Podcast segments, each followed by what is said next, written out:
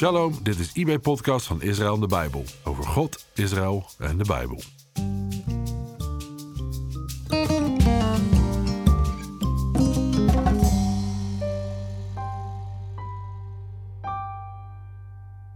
De Tweede Wereldoorlog betekent vrijwel het einde van Joods leven in de stad Groningen. Van de ruim 2800 weggevoerde Joden keert maar een handjevol terug. In 1948 telt de Joodse gemeenschap nog maar 239 leden en dat aantal loopt dan elk jaar weer verder terug. Wie vlak na de oorlog door de Joodse buurt van Groningen stad loopt, krijgt een deprimerende confrontatie met het verleden. De buurt maakt een verlaten indruk. Veel huizen en winkels staan leeg en zijn dichtgetimmerd. Synagoge, ooit het middelpunt van Joods Groningen, is verwaarloosd en leeggeplunderd. Maar bovenal is er die stilte, geen luidruchtige verkopers, geen poeliers of kleermakers en geen galletjes bij de Joodse bakker. De straatnamen zijn vernederlandst. Zo heet het Jodenkampje nu de verlengde Brouwerstraat en het Jozef Israëlplein is het De de Vries Lamsplein. Het leek wel alsof er nooit Joden in Groningen stad hebben gewoond. En dat terwijl Groningen altijd een bloeiende Joodse gemeenschap heeft gekend. Voor de oorlog woonden er zo'n 5000 Joden in de provincie, waarvan ruim de helft in de stad Groningen. Maar van juli 1942 tot en met april 1943 zijn bijna alle Joodse Groningers gedeporteerd. De meeste eerst naar Westerbork en van daaruit naar de vernietigingskampen Sobibor en Auschwitz. Slechts een handjevol Groningse Joden overleeft de Holocaust. Toch bloeit na de oorlog het Joodse leven, vooral in Groningenstad, weer een beetje op. De Joodse gemeente Groningen neemt in 1981 zelfs de synagoge aan de Volkingenstraat weer in gebruik. Sinds september 2021 is in deze synagoge een permanente expositie te zien over het Joodse leven in de provincie. Voor deze expositie wordt ook Bert van der Hak uitgenodigd. Zijn vader en twee ooms behoren tot de kleine groep overlevenden. Voor de oorlog werd Nieuwstad ook wel de Muziekstraat genoemd, vanwege muzikale bewoners als Benny Bear, Sam Nijveen, de familie Muller en natuurlijk de familie van der Hak zelf. De familie van der Hak is in de Joodse gemeenschap van Groningen heel bekend vanwege hun muzikale kwaliteiten. Bert's oma, Aaltje Mozes, had een prachtige stem en trad veel op. Later vormde zij een duo met zijn opa, Moritz van der Hak. Aaltje en Mozes kregen samen twee zonen, Philip en Louis. Aaltje had uit een eerdere relatie al een zoon en die heette Maurits. Zodra de twee zonen Philip en Louis in staat waren om goed viool en piano te spelen, gingen ook zij mee de bühne op. Halfbroer Maurits werd na zijn opleiding in Keulen al op 19-jarige leeftijd concertmeester bij het Berliner Philharmoniker. Maar toen begin jaren 30 in Duitsland de anti-Joodse tendensen toenamen, keerde hij terug naar Nederland. In hoogtijdagen leefde de familie van de Hak van de muziek. Maar in economisch mindere tijden werkte opa Moritz bij als vertegenwoordiger. Philip, de vader van Bert, komt in 1926 als violist in dienst bij het Groninger Orkestvereniging. Hij is dan pas 17 jaar. Drie jaar later volgt zijn broer Louis dezelfde weg. Hij is ook een zeer begaafd muzikus, want naast zijn altviool bespeelt hij ook de piano, tuba, klarinet, saxofoon en blokfluit. In 1940 vallen de nazi's Nederland binnen. Al vrij snel krijgt vader Philip te horen dat zijn aanwezigheid in het orkest niet langer op prijs wordt gesteld. Er wordt geen reden gegeven, maar die wordt al snel duidelijk. Hij zit dan van de een op de andere dag zonder inkomen. Maar blijft niet bij het ontslag van de Joodse muzici. De nazi's verbieden sowieso alle orkesten om muziek van Joodse componisten zoals Mahler en Mendelssohn te spelen. Het omgekeerde geldt juist voor de muzici van het Joodse Symfonieorkest. Zij mogen alleen nog maar het werk van Joodse componisten uitvoeren. De anti-Joodse maatregelen worden al maar strenger en vanaf 1942 starten de nazi's met de wegvoering van de Groningse Joden. Philip wordt eerst te werk gesteld in kamp Balderhaar en daarna naar Westerbork gestuurd. Oom Louis komt terecht in kamp Havelte.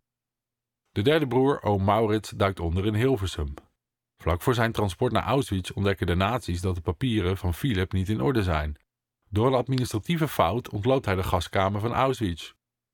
Bert zegt hierover: God heeft mijn vader echt bewaard. Hij wordt ook later niet alsnog op transport gezet. De drie broers van de Hak overleven de Holocaust, maar dat geldt helaas niet voor 41 andere familieleden. In 1948 wordt Philip eerste concertmeester bij het Radio Philharmonisch Orkest in Hilversum. Een jaar later trouwt hij met Annie Dumé. Uit dit huwelijk wordt in 1950 Bert geboren.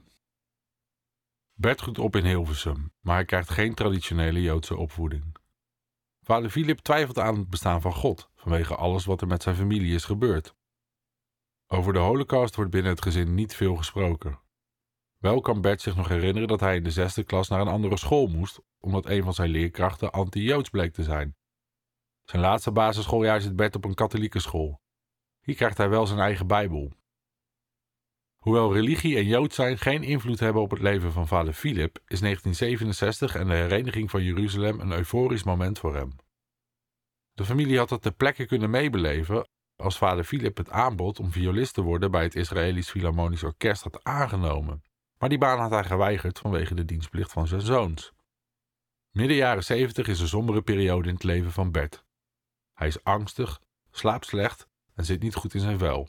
Hij zegt: Als we op vakantie gaan naar het Gardermeer, pak ik ook stiekem mijn Bijbel in, want ik heb me voorgenomen die te gaan lezen.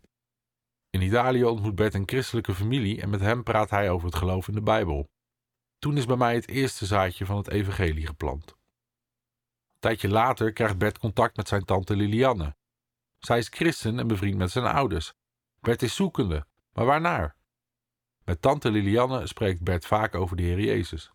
Ook neemt ze hem mee naar bijbelstudies van Jacob Klein-Haneveld, de medeoprichter van Stichting Israël en de Bijbel.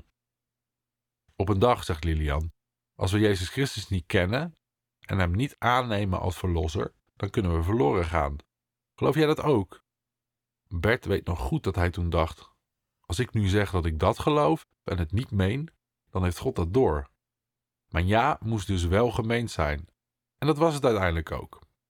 Hierna gebeurde er niets spectaculairs, maar een paar dagen later merkte ik wel dat mijn angsten waren verdwenen. Geleidelijk aan groeit Berts geloof en na een oproep in een kerkdienst laat hij zich dopen.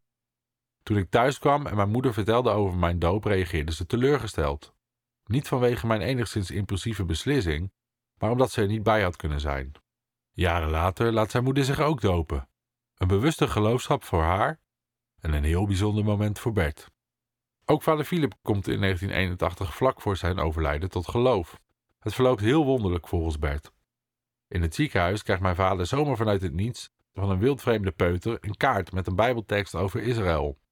Behalve de kaart krijgt Philip van het ziekenhuis ook nog een kalendertje met bijbelteksten. Hoewel hij tegen Bert zegt dat hij de kalender nooit bekijkt, zijn de ezelsoren duidelijk zichtbaar. Dan breekt de dag aan dat vader Philip voorstelt om met zijn drieën een kerkdienst in het ziekenhuis bij te wonen. De voorganger spreekt over de verzoeking van de Heer Jezus in de woestijn. Vooral Marcus 1 vers 13 grijpt vader Philip aan. En hij was bij de wilde dieren en de engelen dienden hem. Hoe is dat mogelijk? Veertig dagen tussen de wilde dieren met de engelen als zijn dienaren? Pap, vraagt Bert, kun je nu eindelijk aannemen dat Jezus de Messias, de Zoon van God is? Vader Philip knikt. Een paar dagen later overlijdt hij. Bert ziet het als zijn belangrijkste taak om een getuige van de Heer Jezus te zijn. Dat probeert hij naar zijn Joodse familieleden en vrienden, maar ook als Messias blijende Jood in het Hineni Symfonieorkest. Voor wat betreft het evangelie voor zijn volksgenoten zegt hij: Ik begrijp de gevoeligheid, maar zwijgen over de Messias is geen optie. Blijf met respect getuigen van de Heer Jezus tegenover het Joodse volk. Vandaag is er nog een vrije keuze. Grijp elke gelegenheid aan om mijn volk voor hem te laten kiezen. Kijk naar mijn ouders, kijk naar mij en kijk wellicht naar je eigen leven. Van God krijgen we allemaal een privébehandeling. Hij gaat met een ieder zijn eigen weg. Dit was bij Podcast. Bedankt voor het luisteren en vooral shalom.